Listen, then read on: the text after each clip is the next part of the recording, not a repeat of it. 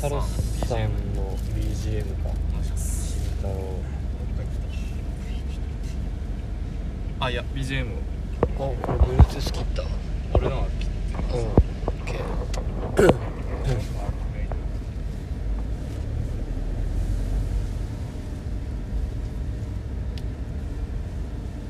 じゃあ続き取ってっちゃおうかてっちゃおうか取ってっちゃおうかえー、いや今日えええーとなんだっけあセッティングを変えるとかなんとかはああセッティングを変えるとかなんといか、そんな話をしてたねしてたなああれしていたなあの頃はあれそんな時代もあったないや悪いね申し訳ないよいや私はもともとこういった喋り方をしていたはずなんだがやめてもらえないカンコピがあ恥ずかしいからあいや完コピしちゃったうんお結構12時20分チェックかうんバステケイトなんかいるよバス席ドラがいますねうち抜きたい確かに前にもう一台川越ナンバーのうんバス停スクワイアがいます、うん、バス停バス停じゃないよあれは前の軽トラがバス停だからうんいやかなりかなり安全ですよこれは、安全ですねうん、40キロで走ってますうん人気のない山道 をいやーウバス捨ててるなこりゃえどういうい表や現ウバス捨ててるウバ捨ててるこれ、うん確実ですよ確実ですね沼田にしかいないもんかと思ってたよ50キロ制限ですからあそっか制限速度すらう下回るとん、 いう10キロ下回ってますとんでもない安全なはい慎重に運んでますね慎重に運んでますね大事なウーバーをいやまあ長年連れ添ったウーバーですからね、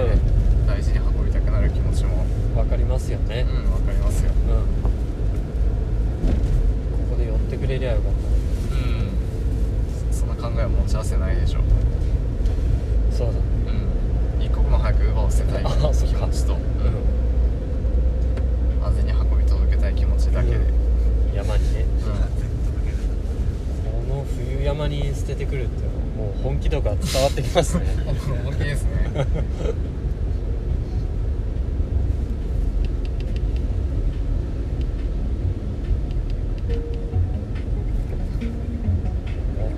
いやーすごい おお凍ってますね湖バなんッかチバチに凍ってます湖なのか私といやーなんか田んぼ田んぼってことはないかなんなんだろういやすごいすごく安全だうんこ安全だねうれ困ったなん困ったな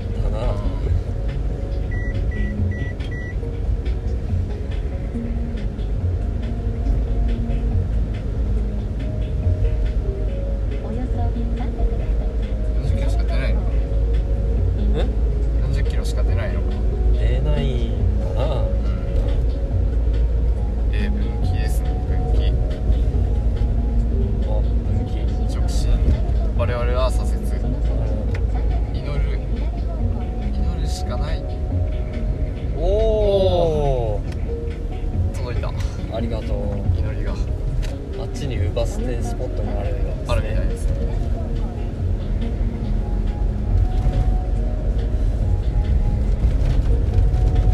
いやああよかったよかったザックは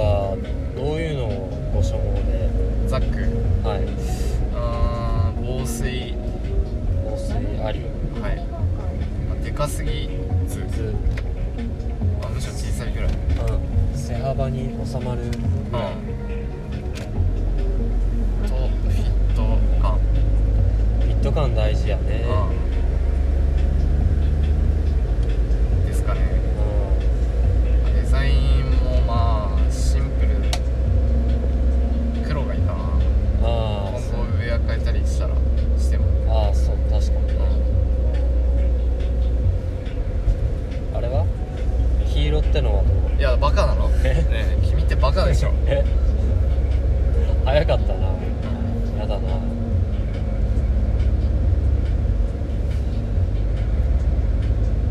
あなんあなたの何リットルあ今ないかー俺のなんだっけ36とかか36で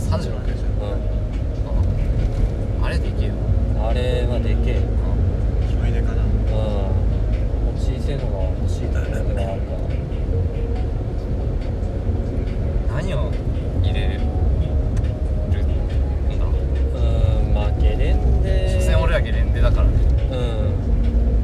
ん飯飯貴重あ貴重品貴重品ほっぺ体にするくらいそうだねあはいはいうんはうんいでもでかすぎるとやっぱでかすぎるっていうか物入れすぎて重くなったらあそうね滑りに影響しちゃいそうあそうだねですよね飛んだり跳ねたりが辛くなるうん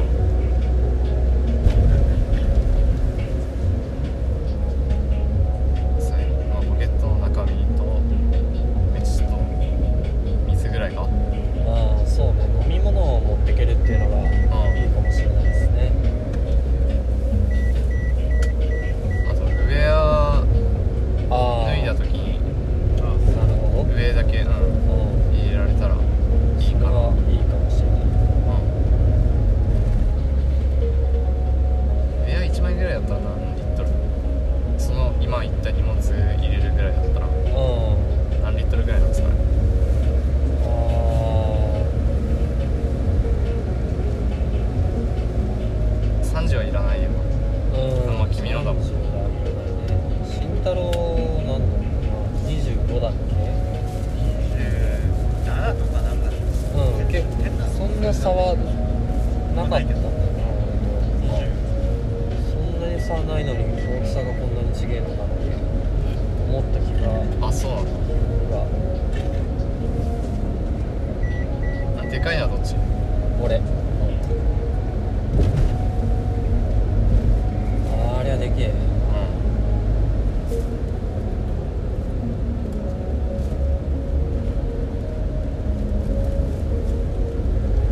雨ですねん雨ですねうんやっぱじゃ20ね雨どうでしょう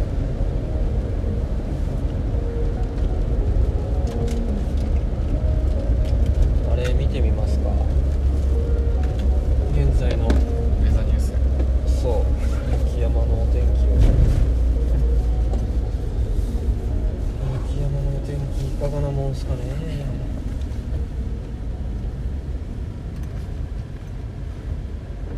さてえ今この車にドライバーって何本ある ?1? 1じゃん1か慎太郎の目小さくていいよねう携帯ができるんあそうねドライバーとかも入れたいリュック買ったらあうんえーっと青森スプリングスキー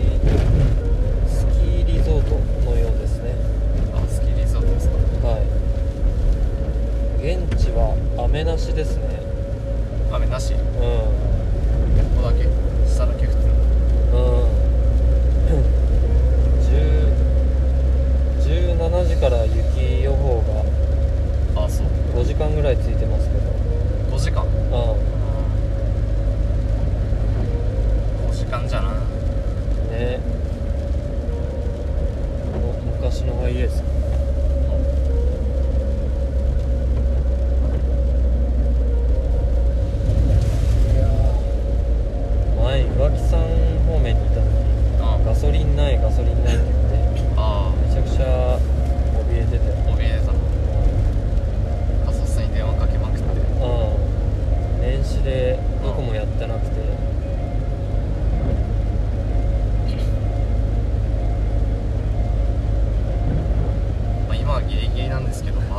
えまたねあの時の感覚を思い出してさいやあの時みんのなで力を合わせていや 乗り越えていこうよいやでも試練好きなんだねうんうんあえて自らにう試練を課したんだけど、んうんこれを乗り越えることでさう絆も深まっていくじゃんうんんうん深まっていくけど成長は望めないからえいやそう繰り返してしまう時点で、うん成長できてないってことできてないよいやーあここら辺でしたっけリンゴの橋があ今超えましたよあもう超えました、いやー美味しそうなリンゴがいやー秋には実るんでしょうねあすうんそうですかえなそうですかってあいやおほらあなたもう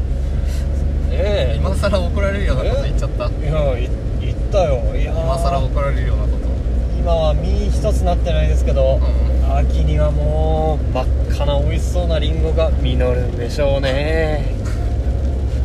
そうですかあいやそうですかじゃなく てだダメだったそんなに怒られるんだそうですかじゃないでしょうこのラジオで今更怒られるような発言なんかあったのびっあるくよりしたそんな流し方ってないよいや今更ねもう怒られることなんてないと思うこのラジオで好きにやってたからねうんしばらくこれからはもうぴっちりあの 取り締まっていこうかと思うんでねやる気のない発言は何があったの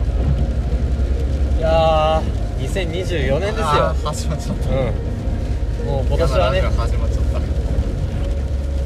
たいやーもうぴっちり行くって決めたから、あそうですかいやそうですかじゃないでしょあなたは仮にもパーソナリティですよやだよこんなラジオリスナーも楽しくないのにうついにパーソナリティも楽しくなくなっちゃったいややめよう畳もいうよやだだダメダメダメこの番組やろうよやろういやー今年こそはまあた辰年にちなんでリスナーもうなぎ登りのねあの年にしたいですねあそうですねあうんピピーあダメだったちょっと変えてみたのに語尾上げてみたのにいやー足りないですねダメなの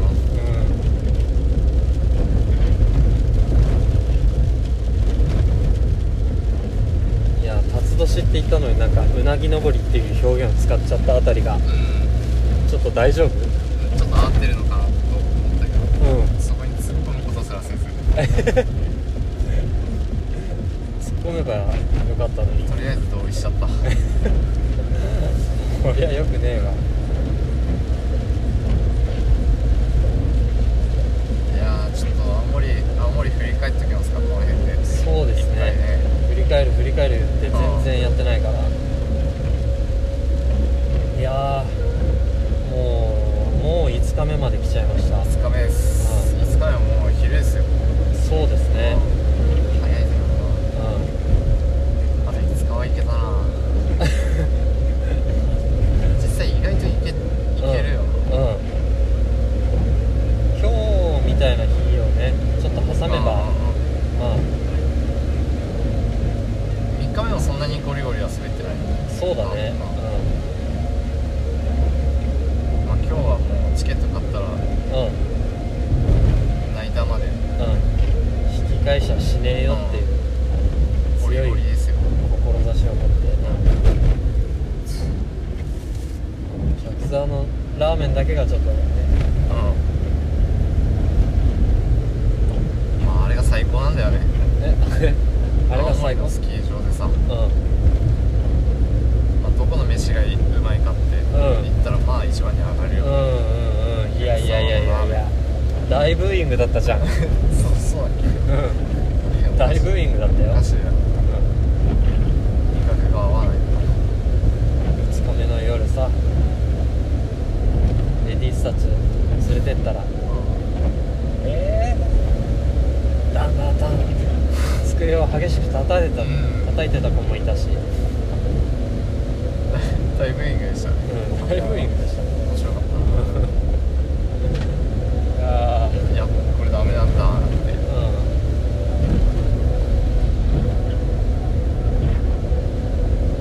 ちょっと百沢のあの飯かっていうねのはちょっと思いつつ思いながらも向かったら案あの定でしたけどあ全然覚えてなかったなこれ覚えてなかったあ年越しがあれだったのかああな前ああそうか去年去年か最後の飯かう知らねえなんいやだしがねえしがねえ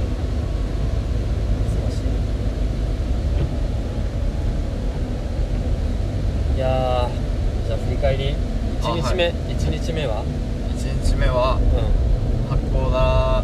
田ロープウェイんロープウェイイエロープウーェイイエーマコタロープウェイイエ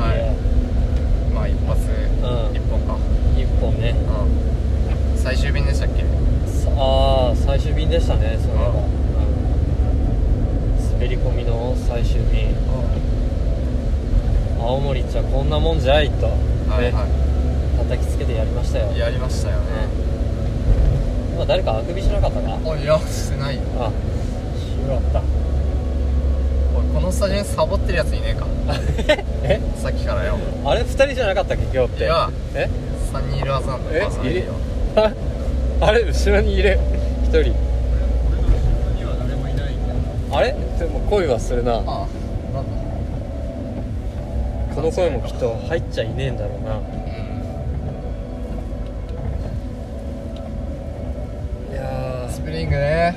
スプリングじゃねえやロープウェイかロープウェイいやーえあいやごめんスプリングかいやロープウェイあロープウェイかうんがなんだってあダメだ これはまずいよもう頭働いてないですねいやー振り返りって辛いねうんちょっとなんかう一回やめようかん、うん、じゃあやめますはいはい再開、再開それでは司会の司会に登場していただきましょうカラスさんですどうもこんばんはあれあれあれさっき起きたのかなこの司会はここはどこだいいやー今回はねあの司会をあなたに務めていただくということで司会進行仰せ使いましたカラスと申します皆さんいかがお過ごしでしょうかえー、ママッチチョキですバッチチョキですかはいえ今日は1月の2日はい2日ですね時刻は間もなく12時を回ろうとしておりましておりすますしております、えー、しかしまだ道中ですえー、我々は今スプリング青森スプリング青森スプリングスキーリゾートへ向かっておりますがますがあいにくの雨結構ね強まってます強まってますね山頂はどうなんでしょうかね一応は爆雪都心時代ですあらゴリゴリですよああゴリゴリですかこれゴリゴリですゴリゴリですゴリゴリのようです山はい頂は、フロントガラスはびちゃびちゃですけれどもびちゃびちゃですそうですよはい今日は5日目ということですねはい、はい疲労のピークはなんかもう過ぎ去った感がありますけどもうーん3日目がきつかったな3日目そう3日目がきつかったね今日は奥の方に息を潜めてますけどはいあーなんかそんな あそう気配は感じますはい昨日の温泉がねどれぐらい効いたかあーちょっと準備運動念入りにしてはいそうですねはいバイブス高めだいぶ高めブーツは緩めゴーグルきつめでゴーグルきつめいきましょはい膀胱緩めう膀胱緩めあおおいや あいや肛門きつめ膀胱きつめやっていきましょう、やっていきましょうかえー今日は全全日程のえー5日目、はいということではい新年も迎ええー、旅のん真ん中は半分は過ぎたのかはい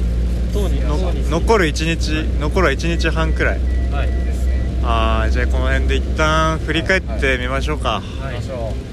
お願いします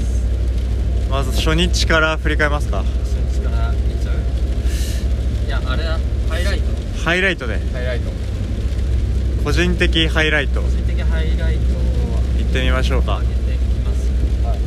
根本方式ではいえじゃあ川木くんからお願いしますーあーそうですねあそれっぽくなってるもう私は、えーリスナーのカービング上等ですかねああそうですね上達しましたね上達してましたね突然目覚めましたねは板を立てていはい切るような感覚が覚を突如芽生えたと、どうでしょうはい降ってきたのかなあれは天からは天から授かりしいレーザーに乗ったら分かったんですよそうそうそうあの拷問器具に乗ったらねもう器具急に板が立ち出してはいあれびっくりしましたね確かに、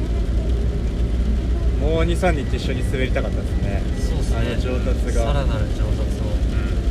最終的にどうなったのか痛かったですけれども次行く予定はまだまだ立ててないですねあそうですねはい早く立てたいところですけど続いてはいボンゴさん旅のハイライトハイライトえー言い出したものを考えてなかったなあでもジョッパリああジョッパリはねうなんかなかのハイライトでしたね、2階に上がってってこの空間を見た瞬間に、おここたつやんけ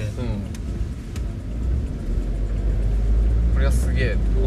ん一番青森感じるスポットだったのうんそうね個人的にはうんもちろんスノボも良かったんですけどはい飯がね今回成功しましたからねそうそうああそうだねご当地的なものもう食べれてんうん美味せしんかったよせんべい汁がめちゃめちゃうまかっうんあと箸置きねえええあみんなハイライトは走るあ箸置きうんあのあれは絶品だったた箸置きが一番美味しかっうんみぞれみぞれとも雪とも取れるた水れになってきました上マジ雪かもねアルダーまではいかない可ま能性はありまですねいいタイミングで来たんじゃないですかはい僕の個人的ハイライトは、はいまあ、昨日のロープウェイが割と天気に恵まれたことかなあうんですよあねそうですね視界が良かったんで、まあ、雪もまあまあまあまあまあまあでもないか雪は渋かったけどうん天候が景色がまあでもその辺のスキー場よりは全然良かったんでうんあのーなんて言ったって元旦ですからね昨日は簡単でしたからそうねうん縁起いいですよあれはうまあんいろい1年ろを占う占うね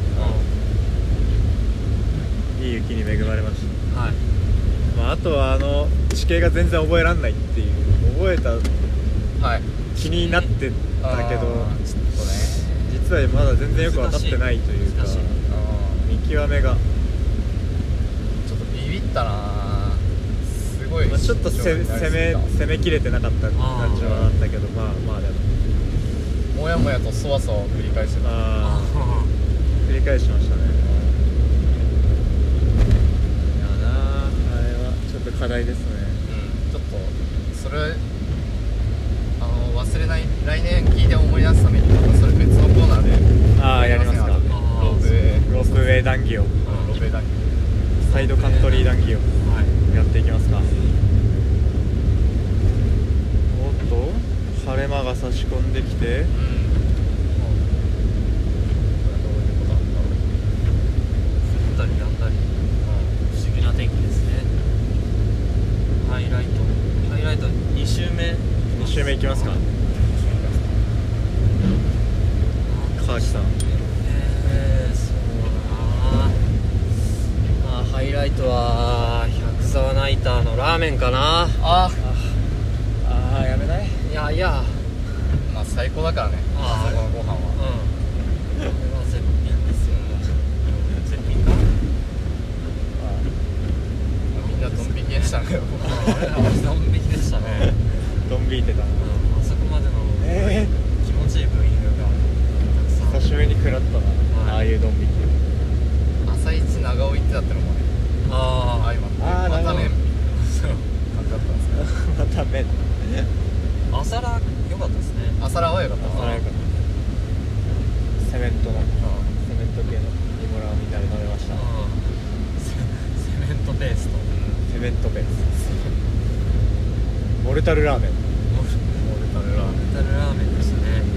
俺のはマックスだったからちょっと骨材も入っちゃってあよかっやばかったですたでねすね本当のコンクリートになるとこでしたよ俺2周目は長尾か2周目のハイライト長尾なおラーメンあなんか飯があまあいわゆる百沢のあれはうちょっと置いといてんうんまああれ込みにしてもまあなんかうんななんかね飯系満足いく結構みんなで食べるっていうことがあーそうそうそう結構楽しい、ね、あことを28で知っあ知ったんだ知った俺 人間界浅いからさ人間界歴ー 人間界胃劇に入れりゃ何でも一緒だと思ってたもんね思って好た俺今まで次元だきより美味しいものがあるってことに気づいたんだ気づいたあ大きな成長だったんだ大きな成長だあれは大きな気づきと気づきよ成長うんなんか飯が良かったわかったね充実感をうん増してくれたんじゃないですかは我々もそうだしいそうリスナーの3人ああ飯は大事だ飯大事よ青森観光してスノボだスノボだけして飯最悪だったわっていう感想を持たれずに、うんうんああよかったうん、済んだでしょうそうそれで台無しになるうんうん青森旅行ね総じてよかったという印象がねそうそうそう、うん印象最終的な与えておかないとう次がなくなっちゃうかんらそうねいやーあとは大富豪も楽しかったですねああ楽しかったですねあやっぱスノボ以外のね部分ねの遊びというかこんな充実がトータルでうんうん和気あいあいとしていましたねしてましたね、いや大成功でしたねいや良かったですよねいやよかっあっという間だあなーっちゅう間やなたああもう5日目いいですね後半の真ん中かもあ他他ありますかダイジェストは3週目あダイジェストダイジェストね1日目のこれくらいかからもなそうメロンプレーと思いますからの2日目スプリンまあ次グからの3日目3日目発行アメ国際がねだアメ国際ねアメ国際ちょっとスパークできなかったけどあー疲労も来てたしななんかラスト何本かで一気に上から下まで滑って、う太ももから火が出てしまったのはなかなか、ん貸したよ最後の斜面で規制を発さずにはいられないちぎれるところで焼き切れた焼き切れてましたね燃え尽きたあれは吉はあんなそんなに長くないはずだけどうなんか充実感んうん一本滑るだけであー板交換かも結構面白かったっすねよかああった楽ですしねかったなううんんありましたねレディースの板がうんペラペラで、まあ、それはそれで楽しかった軽いっすねそして軽い軽いあれはい短いから短いのもあるししなんかすごい薄い、薄いのかな薄い気がするんだよすげえ曲がるしねペラペラフレ薄がうんペラすぎて本当になんかその本気で反らせたら折れそうなう感じがありましたんうんあかねさんの板結構良かったっすよねあよかったやああ遊びがいがってみようスタンスをちょっと広めてうんああ狭すぎだな肩幅ぐらいだ肩幅くらいで肩幅以下ぐらいだな両足を縛る結構狭か直った立直立で滑ってましたうん常に気をつけの姿勢でねそうかちょっと狭すぎ狭すぎでしたなんか取り回しがうすごい操作性ナンバーワンじうん操作性は圧倒的です最ね軽量ん微妙狭い本当に狭い楽しかったです板交換8へ8位日が8位8位よマジいいなマジまもなく到着でしょうかですねイエスあとはい4分じゃあ一旦こんなところですかはといったところでい休憩一旦休憩休憩入りますかはい一旦休憩ですはーい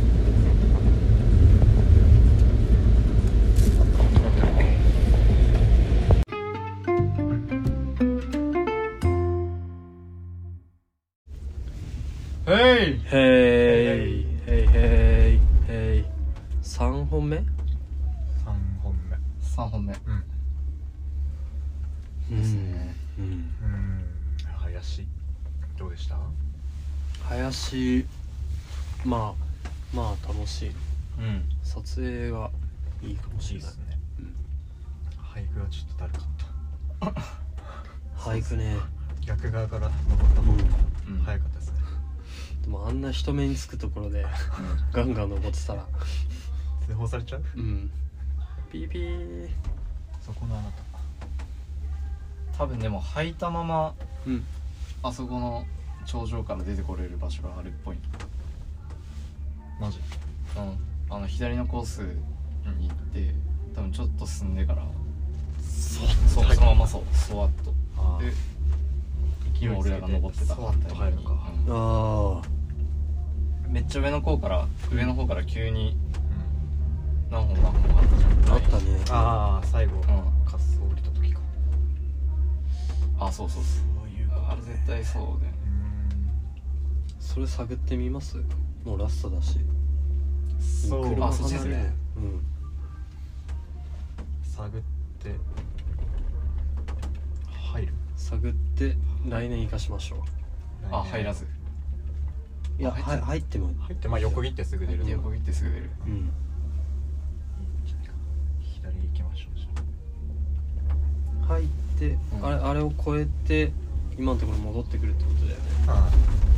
あうんまあ OK あでもちょっとこういうの歩いるかもでも左から行くとででももうリフトからは遠ざかっちゃう普通に降りたら、そんなことないかこっちに繋がる道があるじゃんゴンドラにまだ戻れるチ戻ャれンスあそうるんじゃないチャンスあるはず廊下みたいなあった連絡通路みたいなうんまあ最悪どっちがいいかなどっちがいい林入るか長く後藤君けあああケリュケイオン書くのやめなえいな何ケリュケイオンケイケルケイオンって何ケイよって何調べてみなケリュケイオンケリュケイオンだからこれあそううんこれどう見てもケリュケイオンだよケルケイヨケリュケイオンオン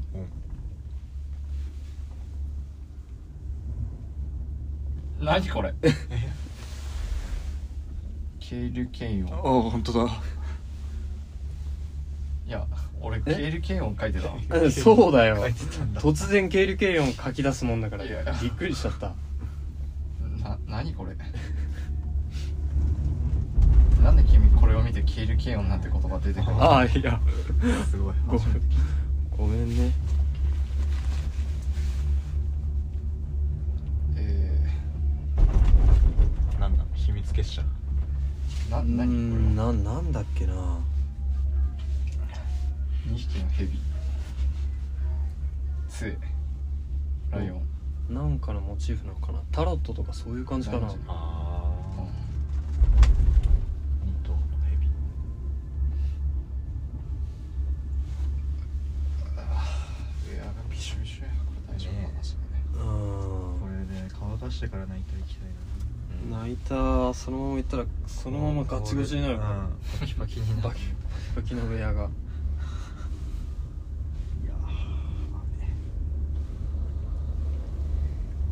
どうしましょうコースどうすっかねいやなんかこの長さをうん最後生かしたい気持ちもあるうん最後長距離ランをああ長距離フリーラン長距離フリーランそのまま下らずに右右右で右右左右右見下ろして右右下ろして左あ見下ろして左からの右うん左行って右行くうん、うん長距離こフリのーラン長さはねなかなかないですからねトップということ長でいよねうん関東にうん関関東東じゃない近空にうんキング関東近郊のことえいや関東の近空にはな かなかないじゃんあれああまあ確かに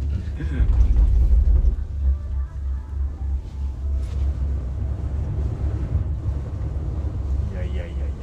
風風風か強いですねビュービューですめっちゃ揺れてるやんけおお持って何も見えないけどおお方向感覚が終わる右に左にゲボ吐いちゃいそうこんなに揺ら揺らされたら収録中にうん収録中だろうとなんだろうと関係ねえよ収録中はやめなよゲボ吐くのはゲボ吐いちまいそうだ通ってよし何でも許可しちゃうな胃で待機してうんいや20ーうーんどうだろキロぐらいかなうじゃあ幸せ者あうわいや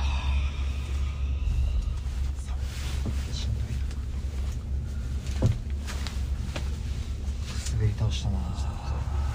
あーちょっと酔うなこ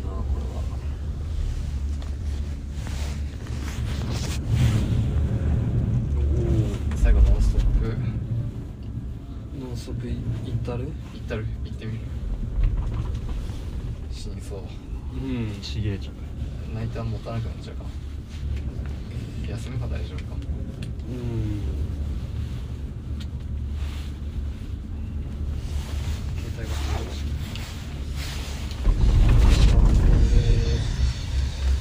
前が見えない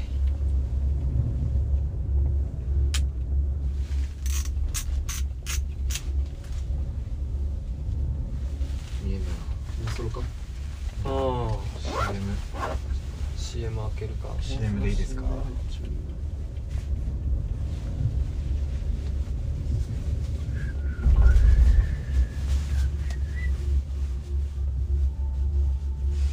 はい CM CM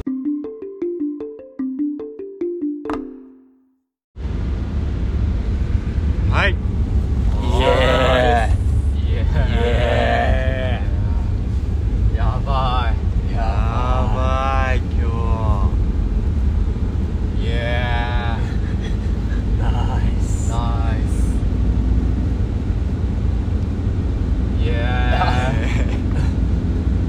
今日あれ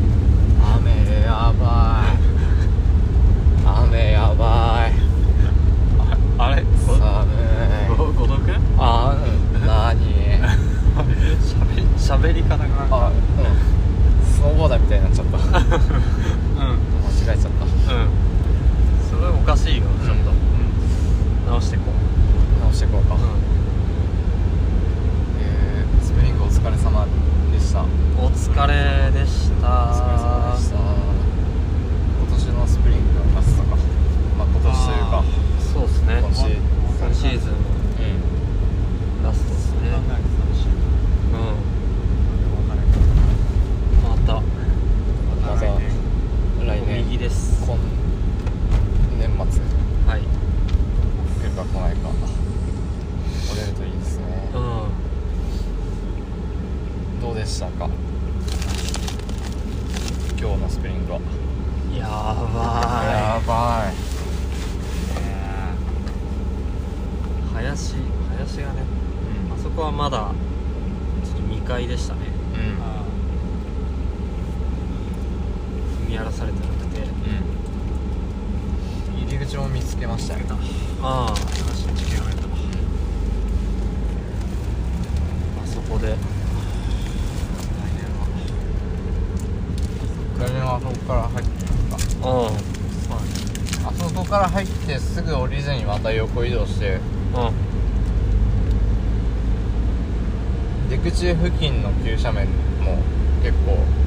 木が薄いとこあったからうん来年そっちの方にも行ってみたいなうん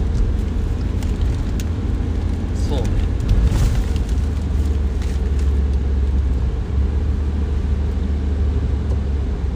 これは直進直進ですいやいやいやいや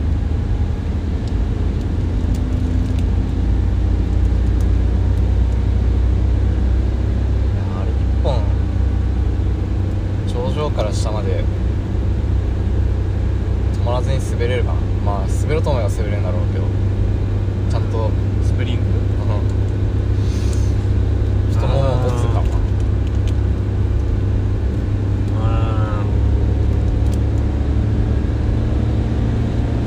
滑ろうと思えばねうん、まあ、抜きながら滑ればうできないのかな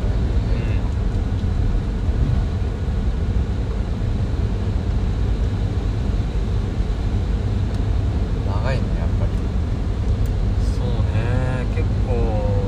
距離ですよねまあさすがゴンドラってだけありますね、距離は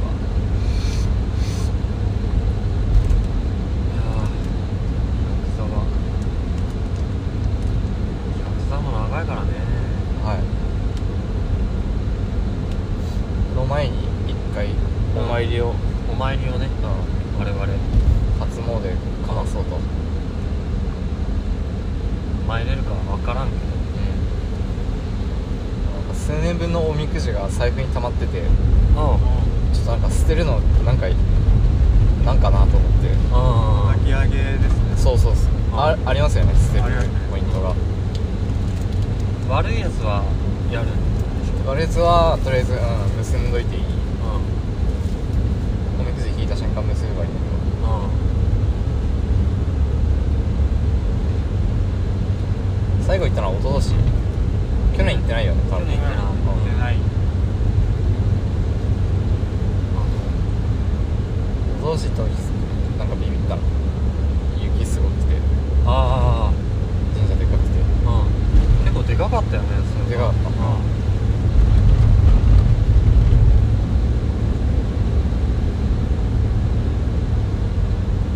みんみんな大吉だったうみんな大吉でしたねんなんか慎太郎のあーおみくじがさうん大吉なのになんかう書いてああるーの結構辛辣みたいなんうんあったねその後あんまりいいこと起こんなかったんだけどさうんああそうそう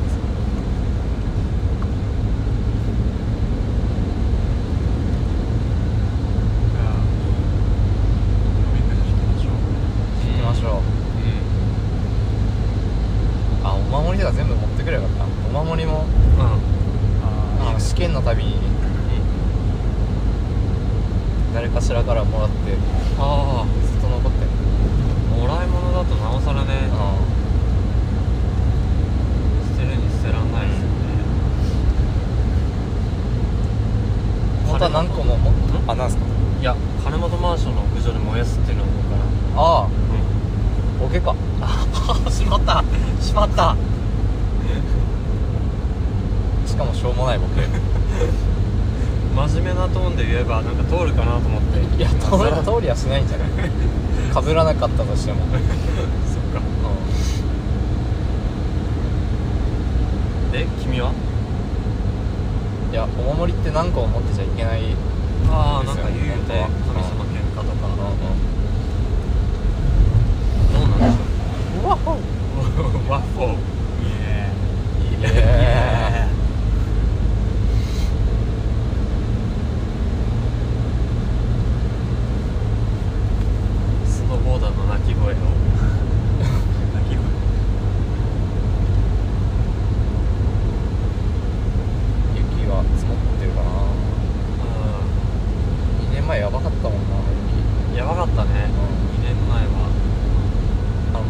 もあれだよね全部こう凍っててボあッコンボッコン死に上手みたいな年でしたねいいことにあ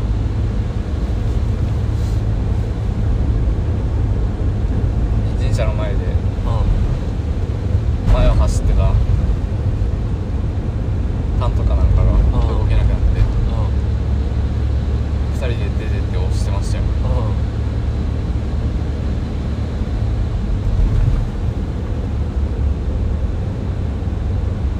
あったねそんな年も懐かしいな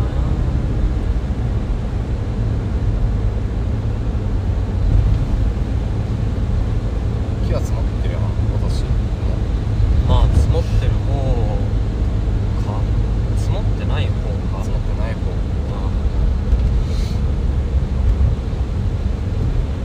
なんかうん毎日5センチは積もってほしいよ青森う毎日降っててほしいん雨が降るかなああやっぱあったかいんでしょうね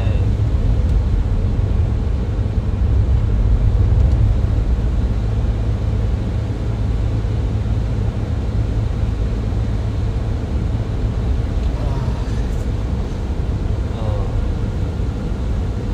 お疲れ様ですはいじゃあ一旦休憩であいつ休憩しましょうあれあれあれあれあ死んだ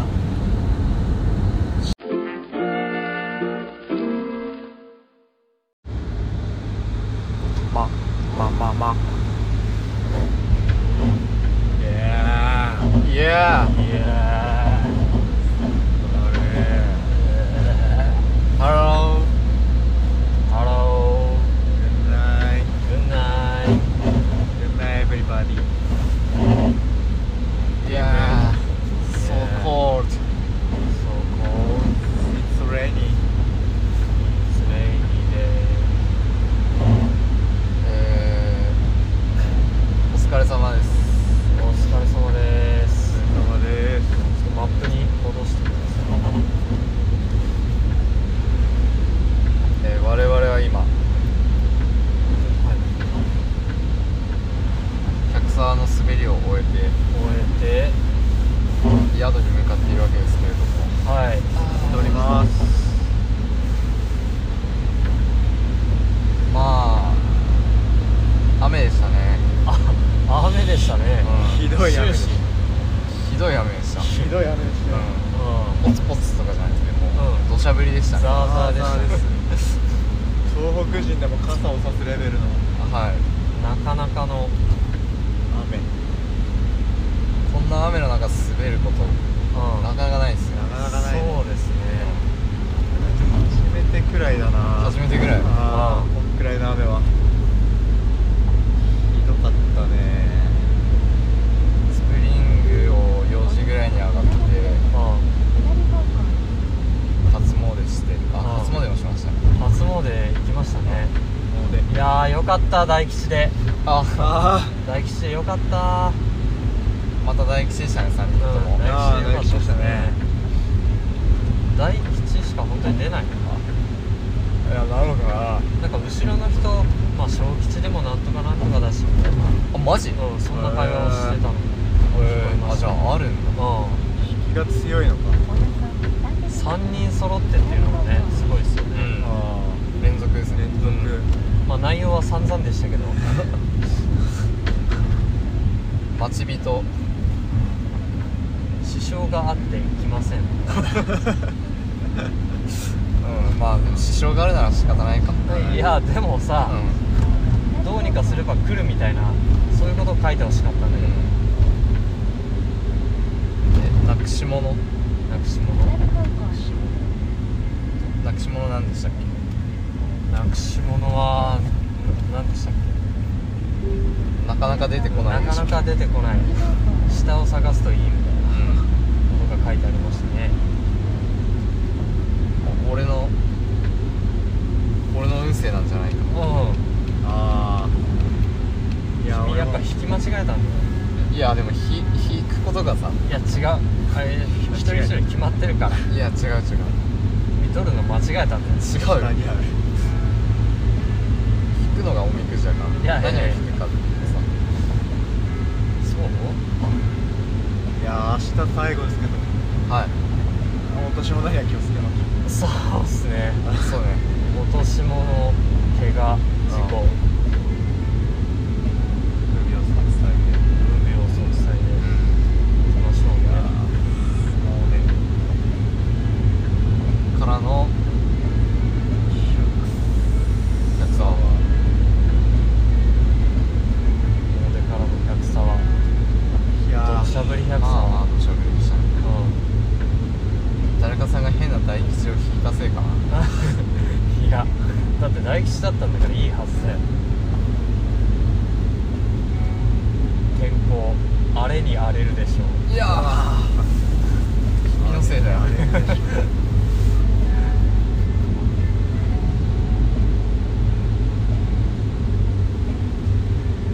何時間ぐらいまた例の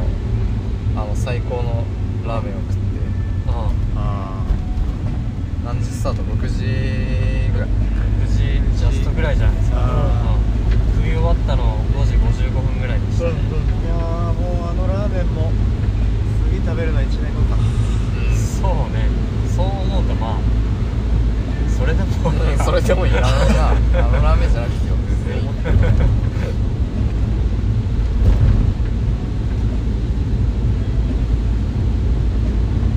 コンビニのあの日清のカップヌードルとかお湯があればねそれで全然良かったですけどカップヌードルの方が40倍ぐらいううんまいやいやいやいやそんなことないよでも値段は4倍ぐらいするんだから困ったもんだね昼飯の方が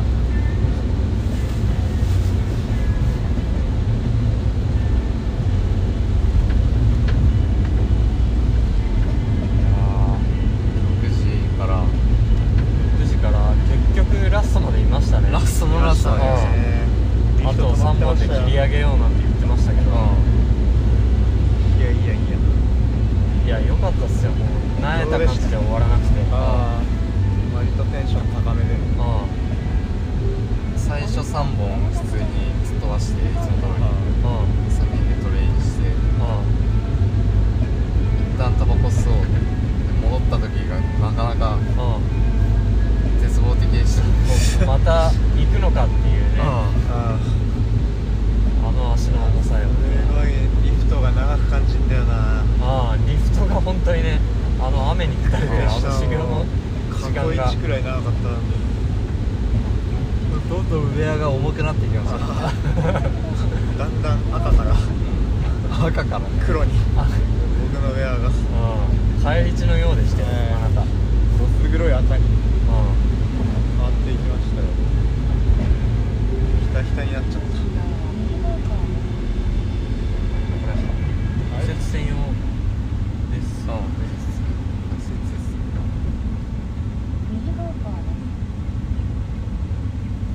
あれはなんであのあの技名は分かんないですけどあ後半戦や後ろう半と戦ね俺らベチョンって呼んでるけどうんえなんでベチョンではないベチョンベチョンうノーズベチョンんノーズノーベチズョンベチョンノーズベチョンをなんでやろうみたい確かにな話になったあれ練習しようってまあリフトで私がああ喋ってたの言って、特に脈絡はなく、うんああそういうことナイスアイディアでしうナイスアイデアでしたねんうんうんまさかこんなことになるとは思わなかったよここまで盛り上がるとは思いませんでし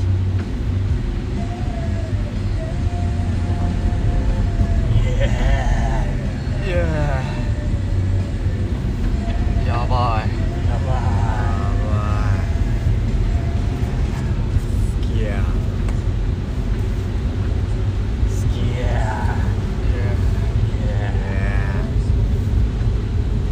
いや休憩明けが7時ぐらいでーああ3本サクッと滑あって帰るべーああで2本滑ってーそうだね2本滑って3本目いや多分2本目から練習し始め練た習しようって言ったんだけどんいや1本目からかあじゃあ2本目だ1本目だ1本滑って下で2本目滑ってであじゃあ2本目でやり始めてもう1本練習しませんああそうなんかこれ滑ったあと最後飛ばして帰ろうみたいな言ってたけど結局その3本目が最後のになるはずだったんだけど練習は何本やった ?3 本練習3本やったのかな結局そ最初の滑ってた時もあの最後の感謝でうんあの最後かましてみたよねああちょっとやってた練習なとしてうんああそうだあれを本格的にやり込むとうんそれだけはやってたなうそれだけはやつんうんなかなかないそれだけでも楽しいんですね範囲になってたうんちょっはいとあの成功した感じうのん時のオーリーを知った時の高揚感に近いああ嵐さん掴むのすごい早かとっ思う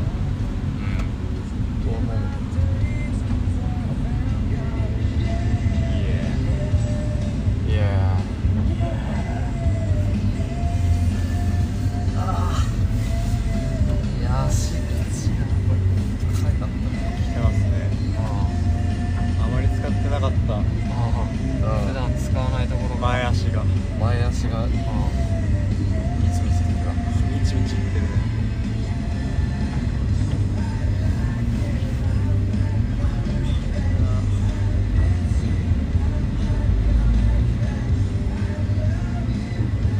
いやでも先生は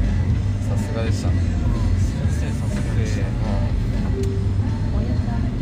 今日来てた先生よかったねうん今の先生よかった明日も指名しちゃおうかなまたタダで使ってやろうと思えでもあの先生締める高いってっていや聞くよまたタダで使ってやろうこの先生ちょっとブツブツは言いながら帰ってんだけどね明日明日は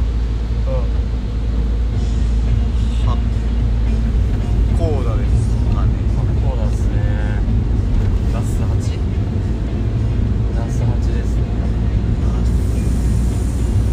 どうでしょうねあーどうなんだろう今天この雪降ってるといいですけどね岩木のあの雨が全て雪だったらああ6回券買うかまあ来年を思えばまあという感じです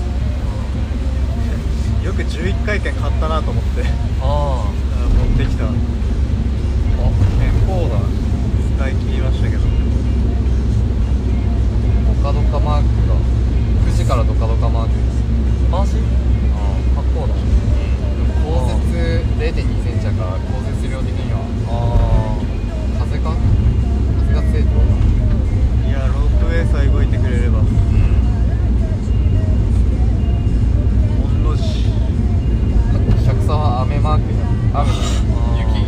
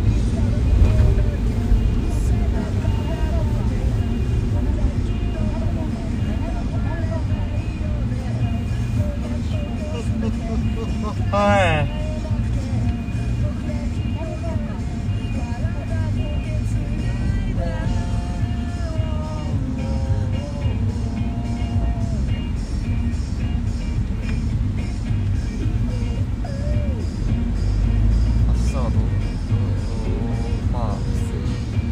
のローペーするっていうローペーであのノーズベーションはちょっとできないかもしれないやるとこないなあかっこいい最後の本当に最後のあの急車下り切ったあ数十メートルああはいはいちああれをなんか地形のリップみたいになってるところでやると楽しそうだ地形地形のえあれなんていうのちょっとしたコブみたいなところああ国際の国際のはいあー国際じゃないかあの下の方ロープウェイのダイダイレクトのダイレクトあるねすごいかっこいいと思うあそこでやるとあいやいやいやバカ言っちゃいけないですよ先生飛ぶぞ僕らってそんなねそれぐらいの訓練さすきます最で終きねえななんでできねえのまずはこけないようにやってから徐々に完成度上げてた方がいいなあー絶対それは間違いないあその方がいいねあ最初から完璧にやろうそうとだねしないで、ーなんなら部分に分けてはい取り組んでいただきたいうん取り組んでいただきたい先生がね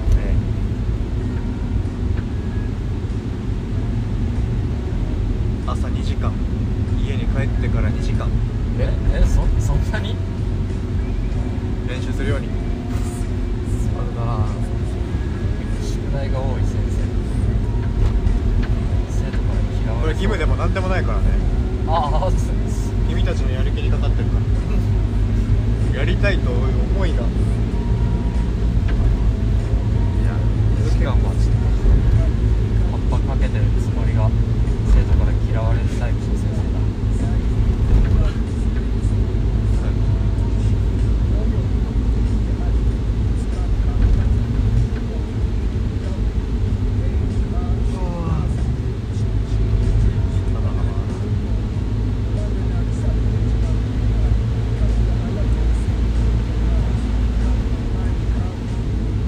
いやー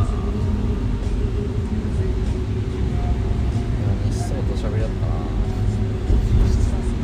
すごいすぎだよなそんなふうに言ってくれるの喋りでしたね1月だよ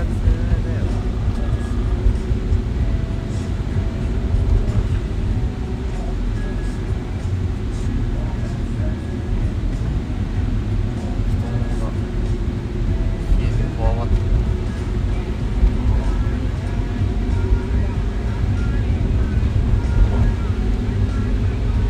あの初心者の頃を思い出したああなんか寒さであー泣いちゃうあるいやでも濡れてても楽しいみたいなあその寒いのとか関係なくあああ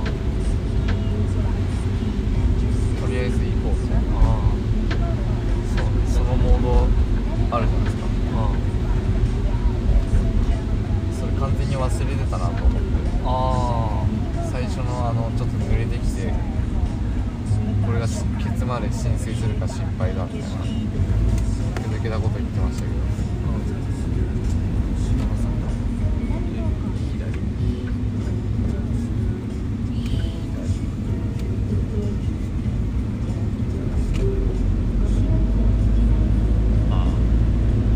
あの頃を思い出しましたね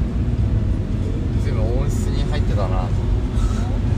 なんか装備整えて寒くないようにしてああ全くできないことをやるっていうのがああすごかった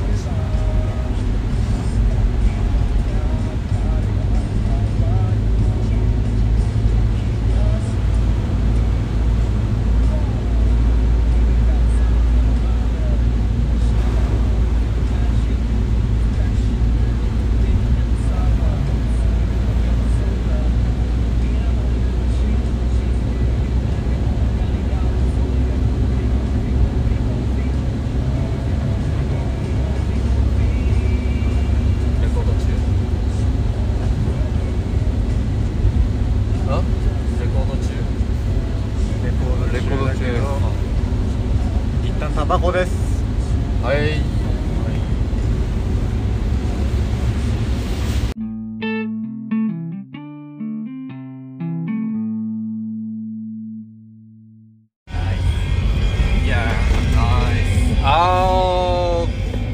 morning guys Guys, good morning. good morning Good morning.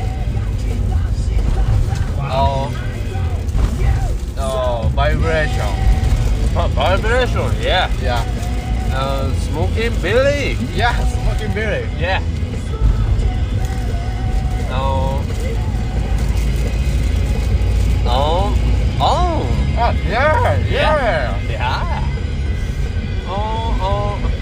No. えー、皆さん、こんばんは。あこんばんは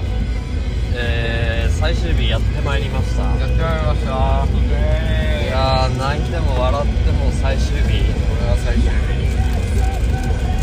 日昨日よく寝れましたか皆さんどうですか寝れましたはい気づいたら朝でした、私もそうですねただ5時過ぎぐらいからですかね後藤君がずっといびきかいてましてはああそうですか君が起きるほどいそれは珍しいだいぶ大きめのいびきをああそう こいつトトロなんじゃねえかと思いましたけどますまないねあ 僕のことアラームって呼んでもらっていいいやうん無理えなんで君はトトロああそそろかけ離れちゃってるかうらああそうですかん君じゃ便利な器具にはなれないえうん5時から朝までうん結構明け方までああもうそう続いてたなこれいつ終わるんだろうと思いながらかわいそうあのなんだか今日体がすごいジャンキーだよジャンキードーピング感うんでも流れてる曲とは関係なく、うん、なんかいろんなやばいもん食ったなっていう感じいほうつもの体じゃない感じがしますまず毛が臭い昨日の飯って何でしたっけ昨日サはブウェイサブウェイラーメメンカップランカップラーメンカップラーメンかひでひでえ飯だ ね皆さん帰ったとはおお疲れ様ですお疲れ様ですここまで落ちるかあ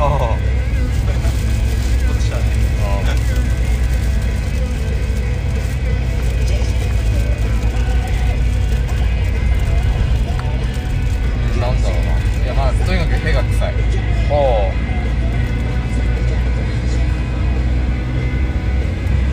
アナルにコルクは詰めてきたんだろうねああもちろんあよかった昨日の夜から詰めたせいでそれが朝5時から鼻から肛門から出てくるべきものが全部鼻から出てきちゃったあんな音が出るんだいやーじゃあ割と体のコンディションはいいってことですかいいのかなうんなんかそうですね悪くはないかもはいはいになってるあれかな睡眠が睡眠時間はそもそも短いもんねそうですねフルで寝れても5時間いってないよねう寝始めからアラームんうん最終日には一番睡眠時間が短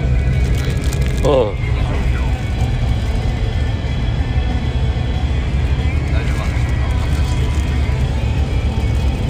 もう響くんでしょうねこれは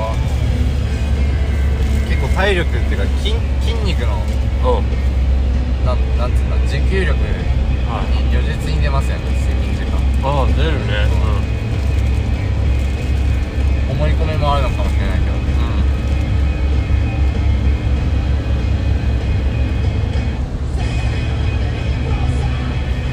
太郎さん寝れましたバッテリーおおバッチリバッ寝ることもあ起きることもないおうおうでもなんか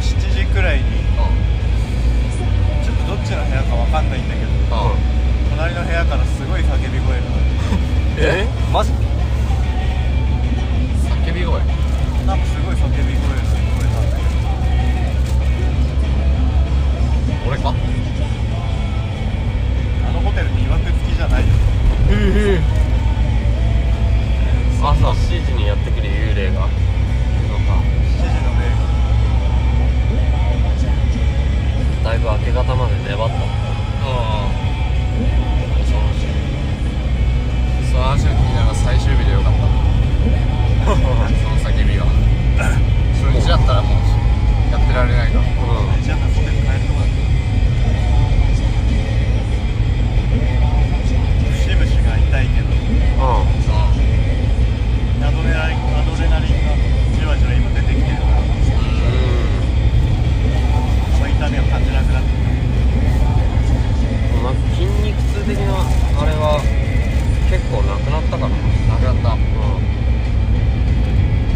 中新潟いいかったら2日3日目ぐらいかなうんそうね昨日のナイター前も結構やばかったけど筋肉痛というかう全身が重かったけどんうんそれもなくなったなんだろういやーどうですかねゲレンデの方はどうですかねどうですかねこの雨やら雪やらがうんこの辺はどうやら雪はないまだでぼやはきないですけどようですねぼやきですもう終わりじゃない今シーズンいやーあでも入るやつが間違うかもここじゃないあれかなやっぱドカンっていうやつが来ないとあれなんだねまあでも多分こっからだろうねまだ言うても序盤ですよねシーズンそうかあ2月1月下旬から2月ぐらいああ2月中旬ぐらいまでだああピークのイメージ2月いっぱいかあ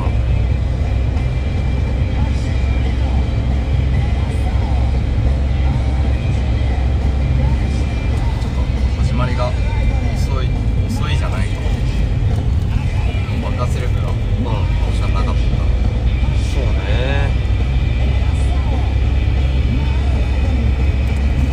だんだんこう遅くなっていくのかな遅くなっていくのかな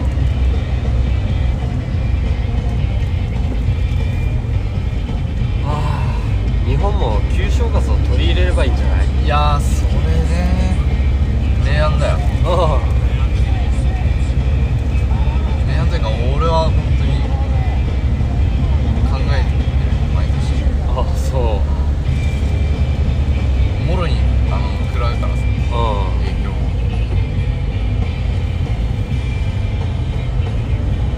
そうかベトナム中国と一緒に君も休めばねああ最高だよああそしたら完全に停止ししちゃうのか営業があ交代で休まないといけないってわけだねあまあそうだねこの間もうさ向こうはチェックをガンガンやってるんでしょあチェックじゃないえ今一面書きをベトナこムの正月いややつらこの正月は休んでるうんあ休んでるなななんなんだ旧正月というのはどっちも休むんですよああそうなんだえーあじゃあお互いに休む期間があるのなら、まうんあ、それでもね成り立つんだねいやーまあ無理やりだよねああ無理やりなんだあお互いにっていうのはあの年末そう日本の年末年始うんまあ日本の年末年始はまあうんそうねもう生産ストップあ工場は多少動いてるけどあはいは爪はまあ止まってるな一応そこはそうです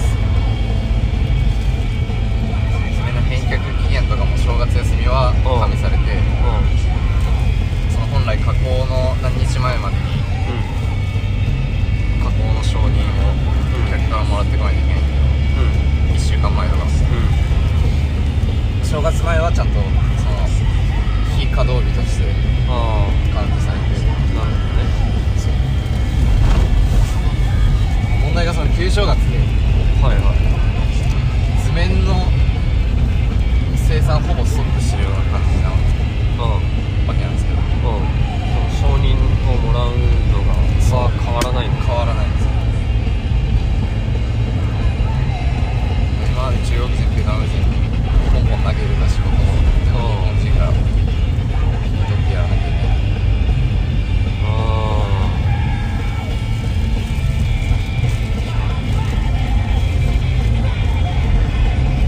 あああそうだよ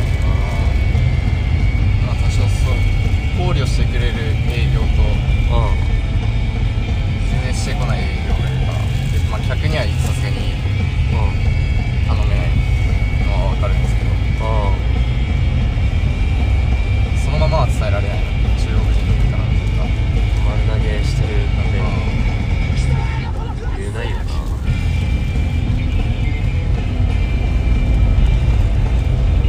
あーでああまあちょっとやめない仕事の話そうそうそうだね危ない危ないそうだね危ないっていうかまあもううわ結う構んあー危なかったね両膝ぐらいまで突っ込んじゃったからうん危なかったうんやめようようんあれ普段ここら辺ってもう雪のトンネルになってるとこでしたっけ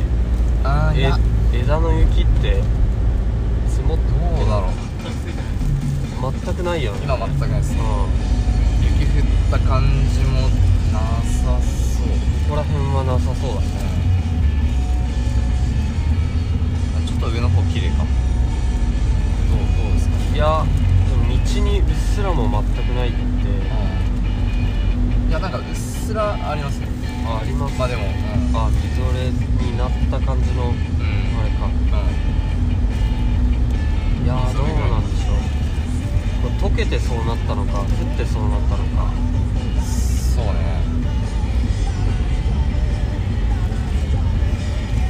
ここら辺は降ってないなこの表面の上見る限りあーボコボコ穴が開いてるあ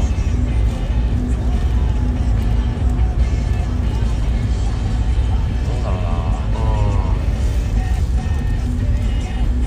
補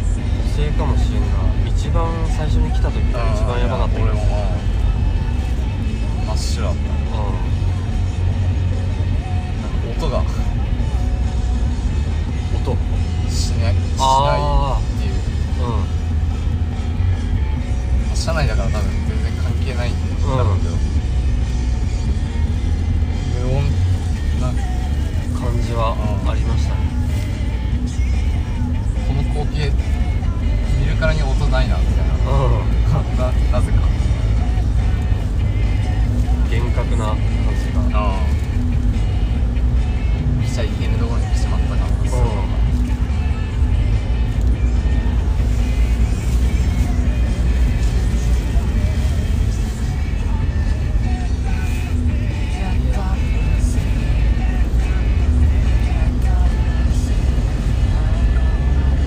こうプッシーって言った今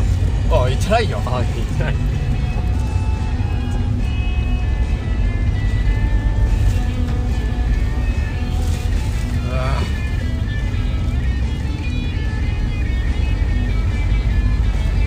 いやーどうなんでしょうねどうなんでしょうねでもはまだあの開けたところあ開けたところを越えてからがなんか積もってるゾーンで、あそうね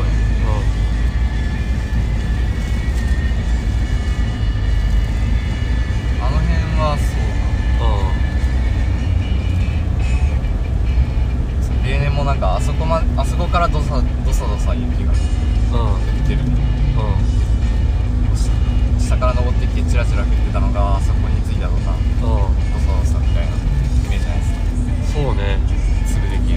うんうーん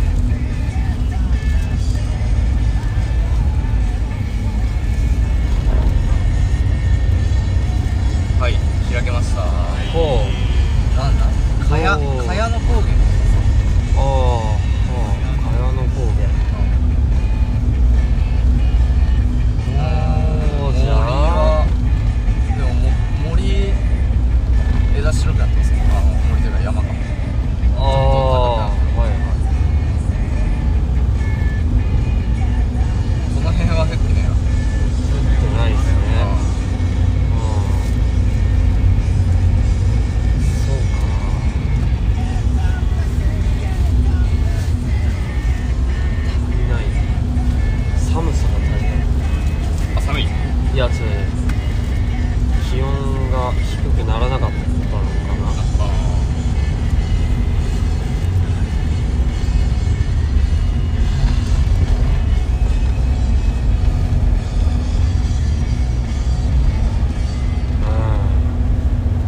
こんな感じですかこれがうんいやー温暖化かねもう一時的なものであってほしいけどでもまあ温暖化は温暖化は進んでるんでしょうねきっと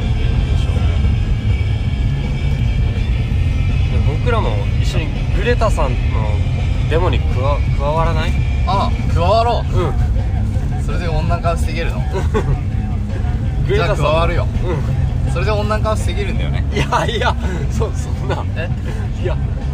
デモはねあの抑止する抑止を呼びかける手段の一つなだけでよかったこれで温暖化を防げる、ねえねえって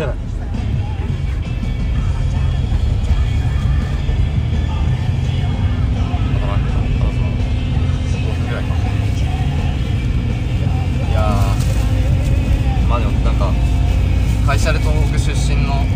はい同僚が結構年近い同僚いるんですけども、はいまあ、やっぱ子供の頃とう小学生ぐらいの頃とんうんここ数年とか、まあ、入社する前のそのうん高うん校卒業ぐらいの段階ですらうん全然雪の量違うっていう見えますえ青森出身の同期がいますけど、はー千葉って雪い、いやー全然降んない多分茨城とかと変わんないレベルだと思う降る茨城はねあの小学校の頃よく降ってたんだけど冬は冬に12回は毎年降ってたんだけどああまあ12回はそうだなその感じかもうん高校ぐらいは全くないあ中3の時一回どか雪あったよねあったねう中3かんうんなんか受験ああ受験のタイミングだったそうらそうそう高3か中3かうあそうだ中3だなんうん弟が結構小さかっ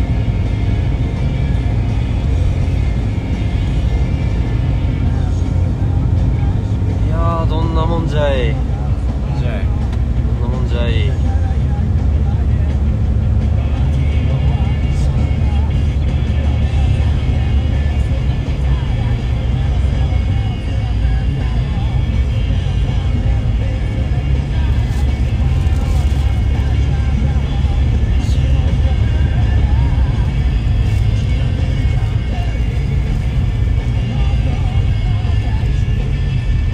あれ夜バス夜バスで消えあここにするたうんあでもここはちょっとあーあーそうねうっすらですけどホールに今詰まってたよねあ本当。うんカーブミラーの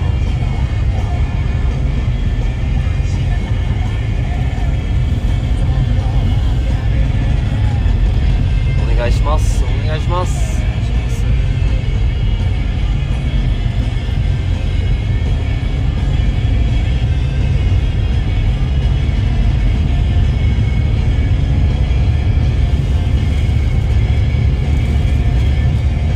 入山する全ての利用者は発行だルールをご確認いただきご利用くださいますようお願いいたします小田お姉さんだそうさんのぶといからいやのぶといよねのぶといバイトリーダーそうそうそうそう最後一緒になったああ最後と隣だったよね後藤君ああ隣だ ったほぼ俺に向かって言ってたなんか うんそして君のためにあの窓をあ擦ってくれて擦たってくれた俺だけの発行だねそんだったあの人だそうね俺のためだ けの独占してた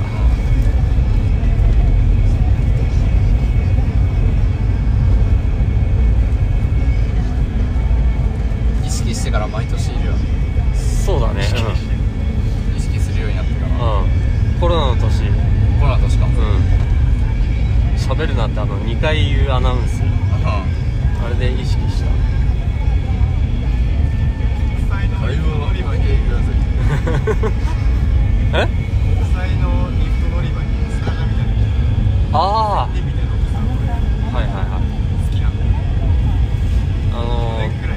なぎにつなぎの背中になんか歌舞伎絵みたいなのが描いてる歌舞伎歌舞伎絵あそうなの歌舞伎のそんな人いる絵絵みたいなのが描いてるお国じ際いさんがうんは去年あって初めてあっていは今年も見つけてあうんいたんだうんえ歌舞伎だ った歌舞伎というかなんかスカジャンの柄みたいなあー上り竜みたいなのはがあ描いてある年年によだからって変わってんの12着持ってんのそういうファッションセンスがあるだとしたら行き過ぎるあ今年前だあどうどうこれどうえこ行れってるかえこれじゃないのいやさすがにさすがにあなんかえなんかうんいやちょっと期待すぎはよくない 15?15 行ったか15いってみよう下で15いってみようあ飛ばされてないけどうん上も上はもっとじゃないあ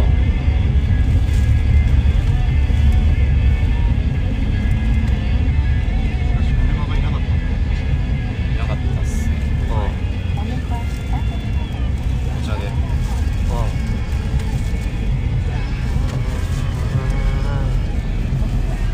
うんでははーい行ってまいるでマイル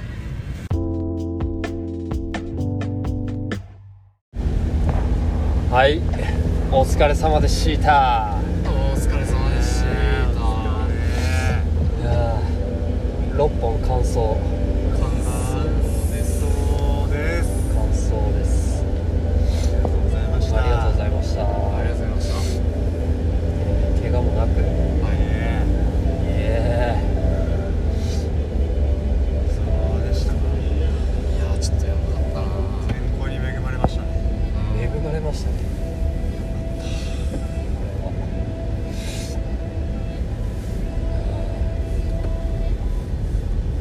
1本目はガスってたんだっけ1本目はまあ曇り空って感じうんあそこそこ見えてたよねあここからうん何よく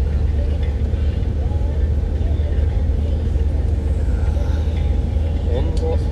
あなんすか温度変化があんまなかったんだ山頂はってことかあガスがないああ風もあったああよねそうね、風もあんまなかったからあ最初来た時本当に吹き荒れてたもんねああこの世の終わりみたいな山頂でしたけど、今日はね山の神がいや微笑んでくれて神神がありがとうありがとう雪がいやあのー、心配でしたけどうん重めの雪がう結構深く降ってた感じがしてるうんんうんそうね最初確かに重めでしたねうんなんか滑り方をちょっと覚えた感じがある途中不安でしたけどうんそうね道中上りはドキドキでしたね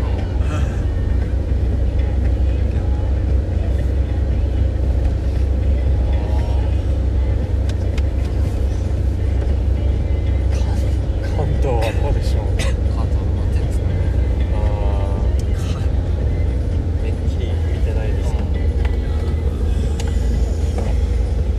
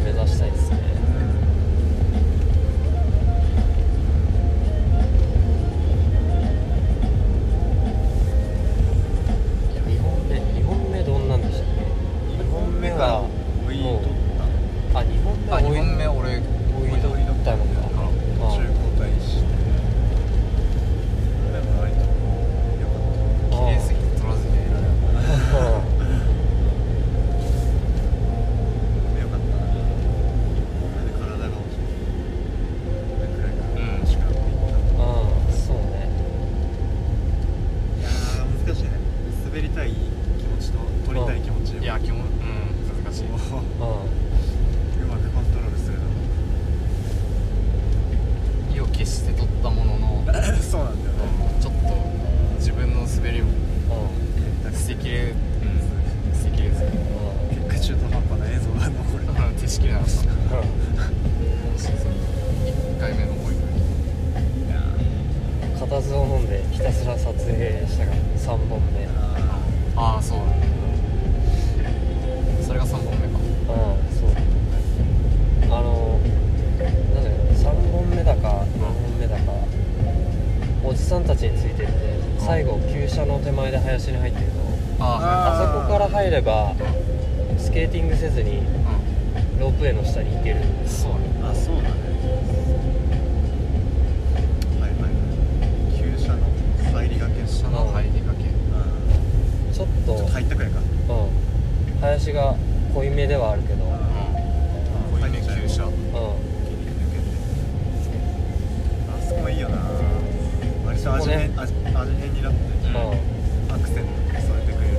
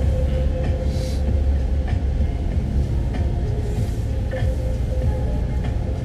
マッシュマンの感じ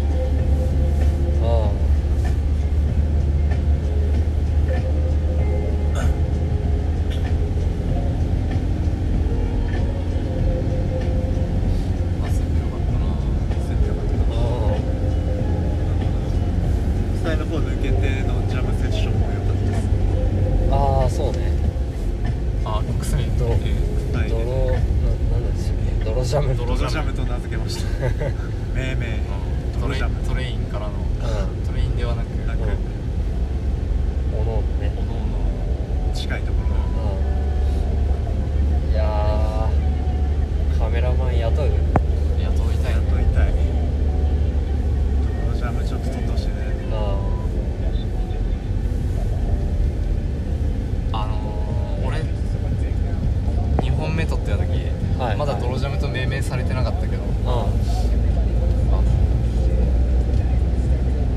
まあトレインじゃなくてうまあ後に泥ジャムと名付けられたその、うんお互いち近づいて、まあ、お互いの滑りをするみたいな感じだったじゃないですか、であの途中トレインっぽかったんですけどんうん一個そのカーキマンがう前を走っててんうんで壁に入ってスラッシュするのとうんうん全く同じタイミングで慎太あ郎が入ってそう途中までその後ろを追ってたからあうんそのまま行けば荒瀬がスラッシュして抜けて慎太郎がスラ入ってスラッシュして抜けてが時間差そううんほぼ同時にスそうラッシュが行われたっていううんバチッと入っててあこれがセッションかとええええ思っちゃっ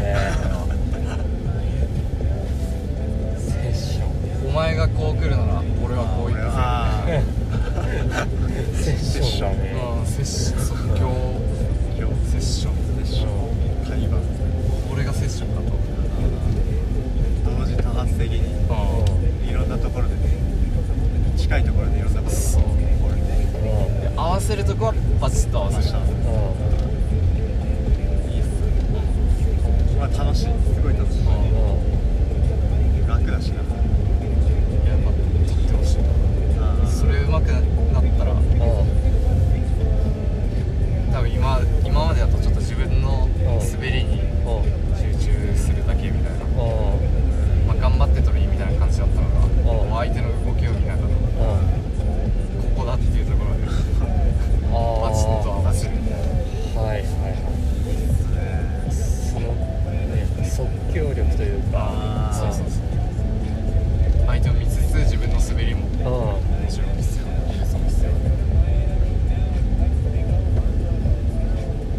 セッション実際あのうんジャズのセッションみたいなうんうん今はベースのベースがメインで今はギターがメインみたいなうそのノリで滑りの中で今はこいつがんうんうん先頭走ってメインだけどこのサビの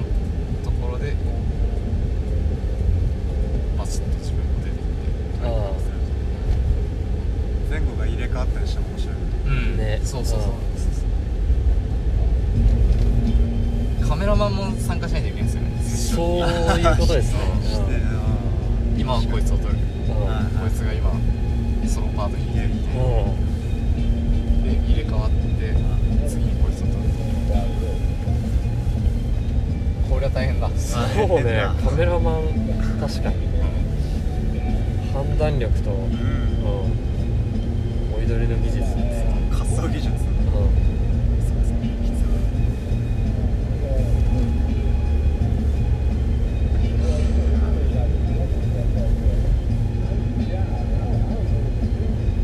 登場しましたね名前何本目についたなあの名前はえーっと2の終わりかな2の終わりか終わりかうんああそう下でねあそうでし下たでね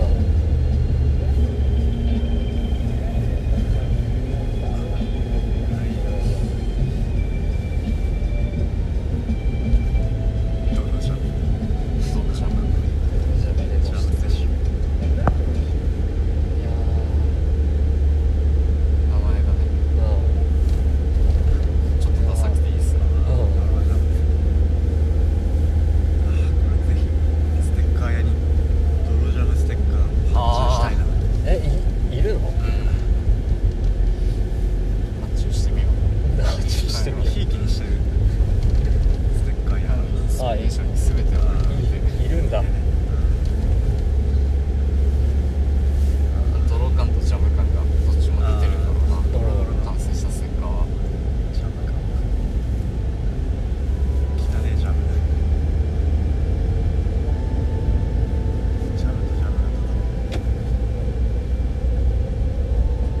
とさよなら親ヒルズああ親ヒールモーヤーヒルズ残念でしたね残念でしたねついぞ今回は訪れなかったおかげでちょっぱりに出会えああーあそうね間違いないねうんちょっぱったちょっとあったなあああそこのリスマイルホテルの立地も悪くなかったうんそうねたうんよかったねうん結果的に割とコンビニもあるし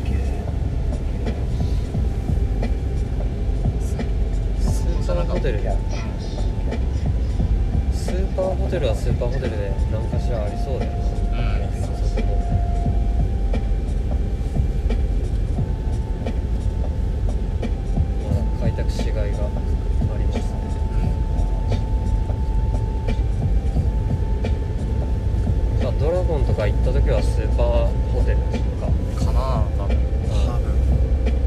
ほらどの辺にあったのか全然思い出せないうん隣にあったかは覚えてなんかる路地路地っていうもかうちょい静かめの路地だったあんであ路地みたいなとこにあった外れたとこに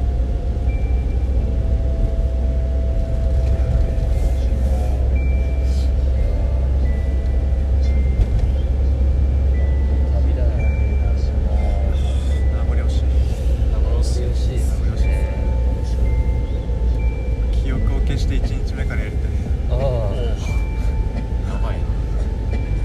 なやりたいなそれくらい価値がある確かにもう一回全くまっさらな状態を仕事でやったら同じことできたら全然やるかって言われたらやるって言いますけどう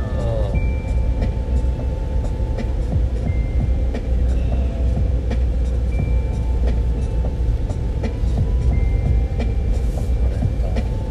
ロロープウェイロープウェイ合計何回乗ったんだ今回の今回、トリップでん回初日えー、12回ですね112回俺がぴったり2枚消費してるからあそううんあだいぶ過去一ねあそうそう12あ俺は11回転を買うべきだったのかうん買ってもよかったのかこんなに滑るとまさかねはうんいや今日の格好が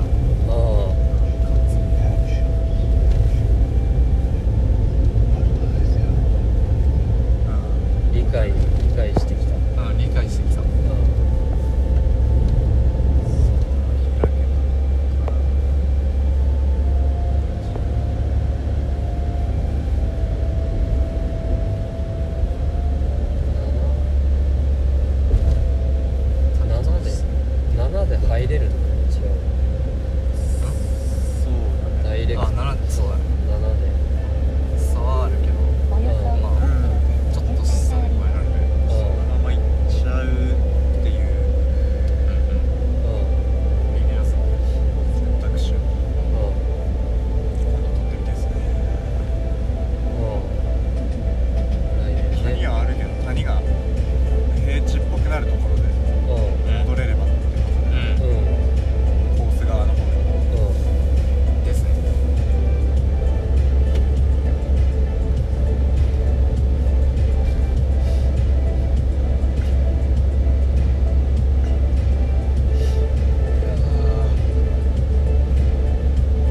川の名前を覚えたいああはいんはあれはねやっぱ地図を入手するんですねい確かに地図だったら結構心強いうんかなもうちょっと鮮明な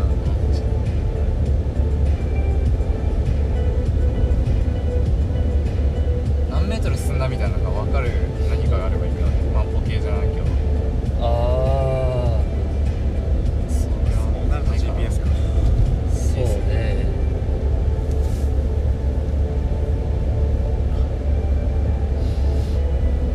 これは完全に思いつきなんですけどはい夏に八甲田登山はいはいしてみるっていうのも面白いかもしれないうん全然いけますね一発ねうん雪ない時ああなんかできないできな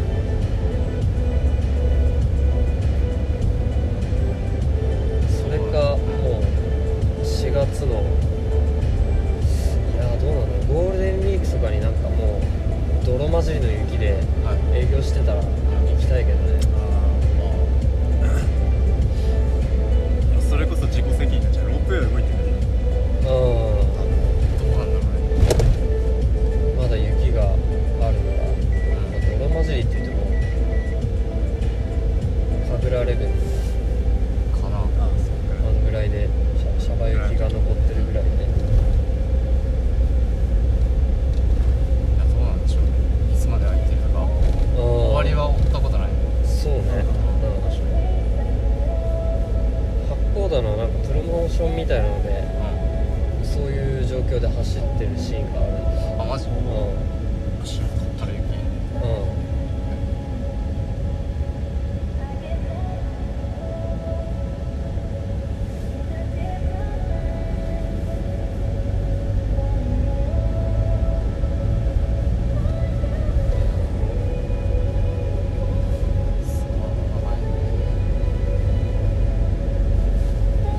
何個か名前を言ってたわあのまあやっぱそうな好きやおじさんたち集団ね少なくとも日本はあるの次どこ行くどこ行くっつってかなうんななんつうかワイワイかワニかなんとか二文字でワイか冠水か冠水は多分冠水沢ああ冠水沢は地図上で見たことあるからねえ多分その沢だと思うんですけど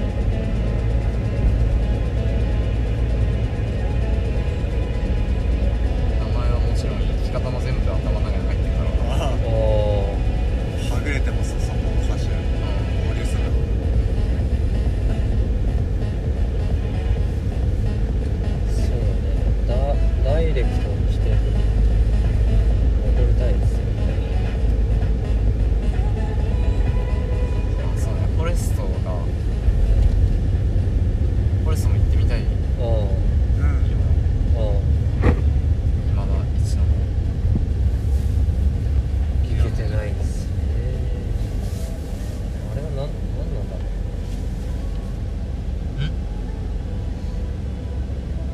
うどういう理由で空いてないんだろう今今の時期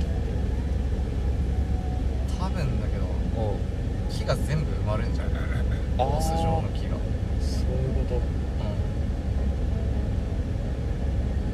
ん、埋まったらコースになるああなる感じなんじゃないかほどは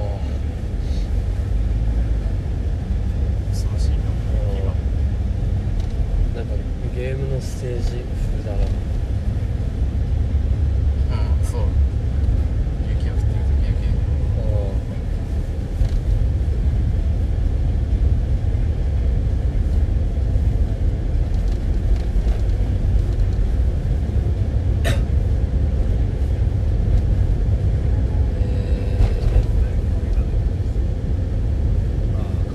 冠水沢ありますよね酒はありましたね関水沢はえーっと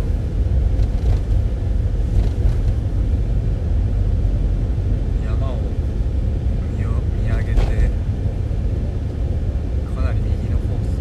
あ右右なんだロープウェイダイレクトより全然右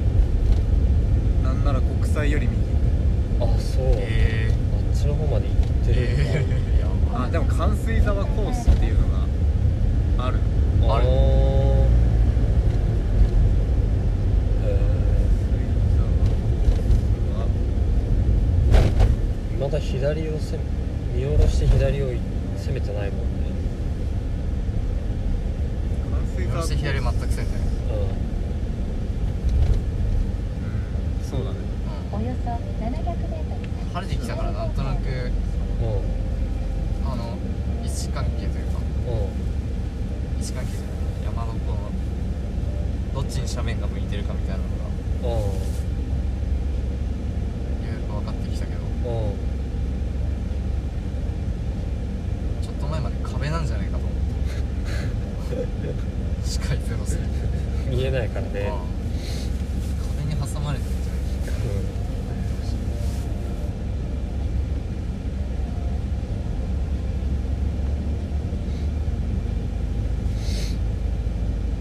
そっちまで行くんだあラインはあるよねうんああ最初行のってダイレる人クト見ま右すに行かずねに左のうん林にそのまま突っ込んでるうどっから出てくるつもりなんだろうと思ったけどんうん国際の方から出てくるのかいきなりかもしれないうんうんって思って国際だねすげえなすげえよ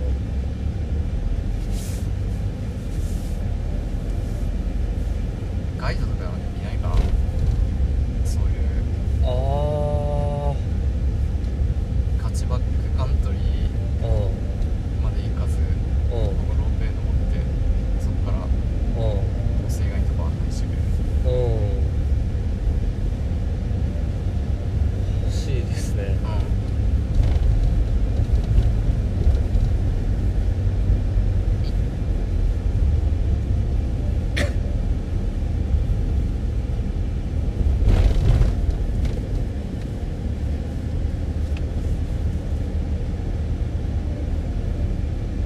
バックカントリーあそこも朝あのいた上に登ってこう大勢の人たちはあれは左方向ですツアーではなくああどうなんだろう自分で行ってんのかなどうなんだろう中国人じゃない中国人あれよぎよぎったというかうん示し合わせたようにみんな上に行ってそうだね当たり前のように歩いてたのってなしっかり禁止とは書いてあるよね立ち入りまあなそうだね何うん入山禁止だかなんかう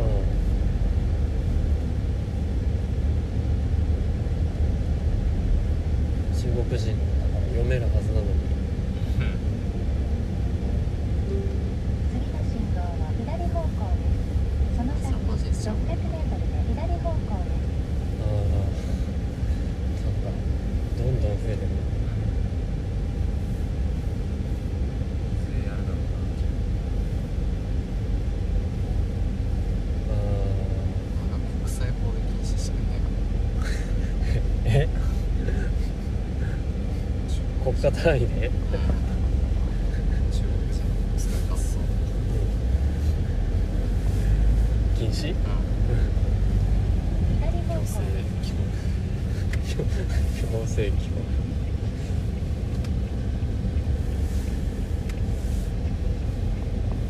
渋滞してるからうん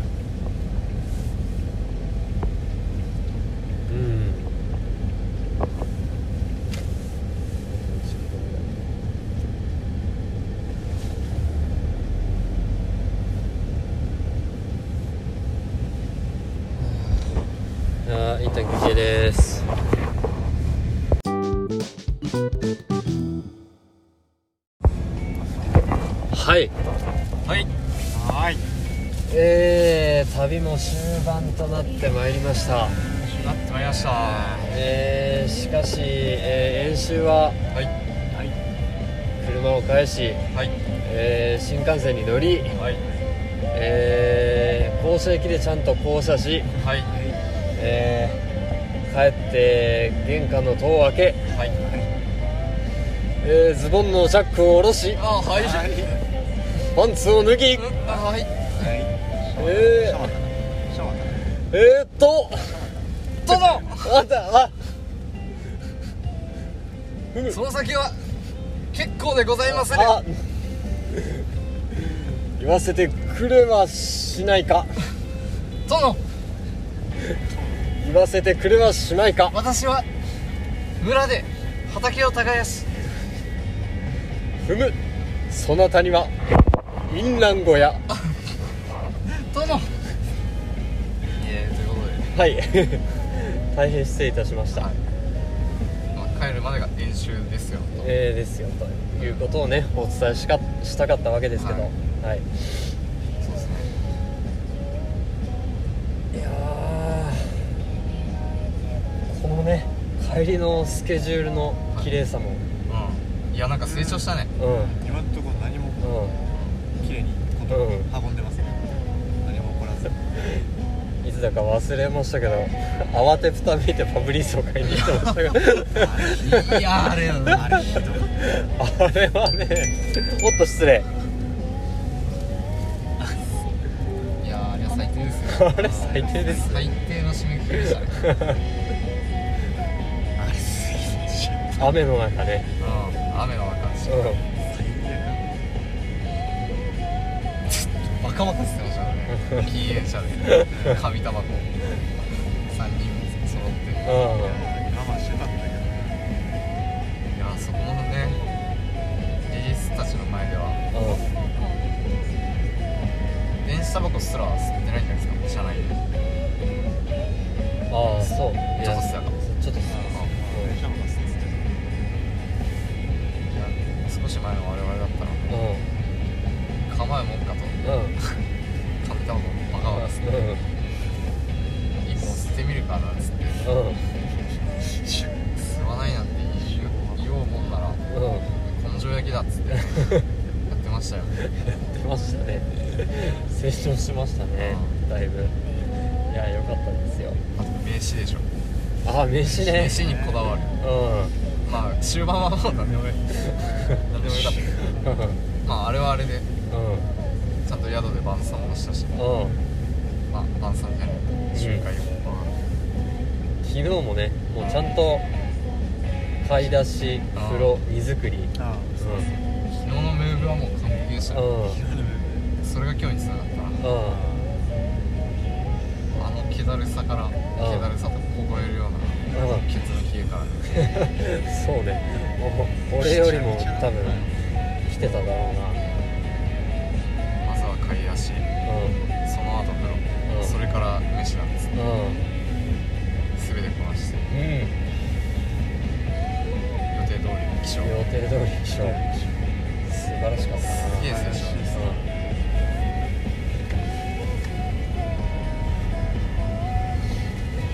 いい旅でしたねうんいい旅でしたあーいい旅だうんでは何日間でしたっけえー、5泊6日ですか、うん、これから1週間もう強豪校の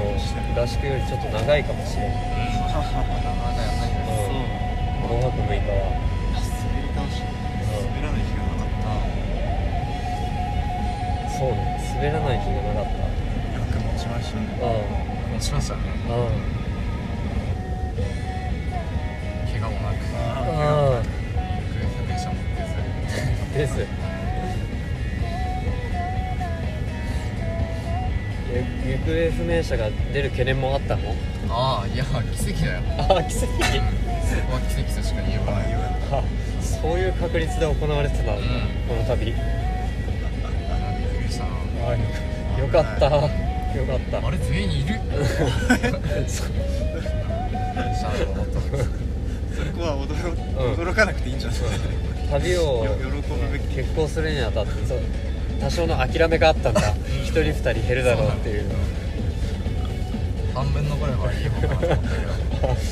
どよかった全員中来て帰ってうん雪中行軍雪中興奮ですね五丁五島五丁ね先般ですからねあー大先輩ごめんなさい本当に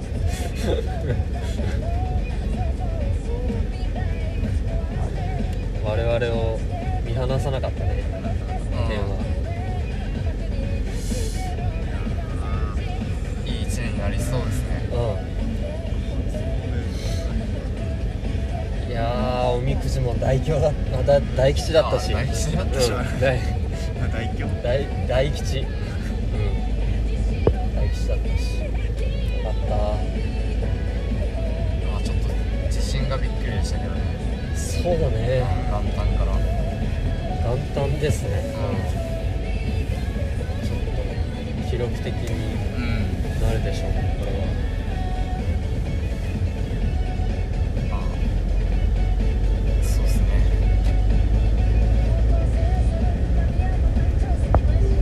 およそ冥福を祈りつつ700方向です。冥福をうんお冥福を祈りつつはい本日の旅のご挨拶とさせていただくいうんいただくかただいただこうやうんここら辺で2024年うん華々しいはい幕開け幕開けですねううんそうだね残りのシーズンまだまだ序盤そうでですすからねね序盤ですから、うん、う今シーズンん駆け抜けましょうおよそ300メートルです。えーではまたまままた来週また来週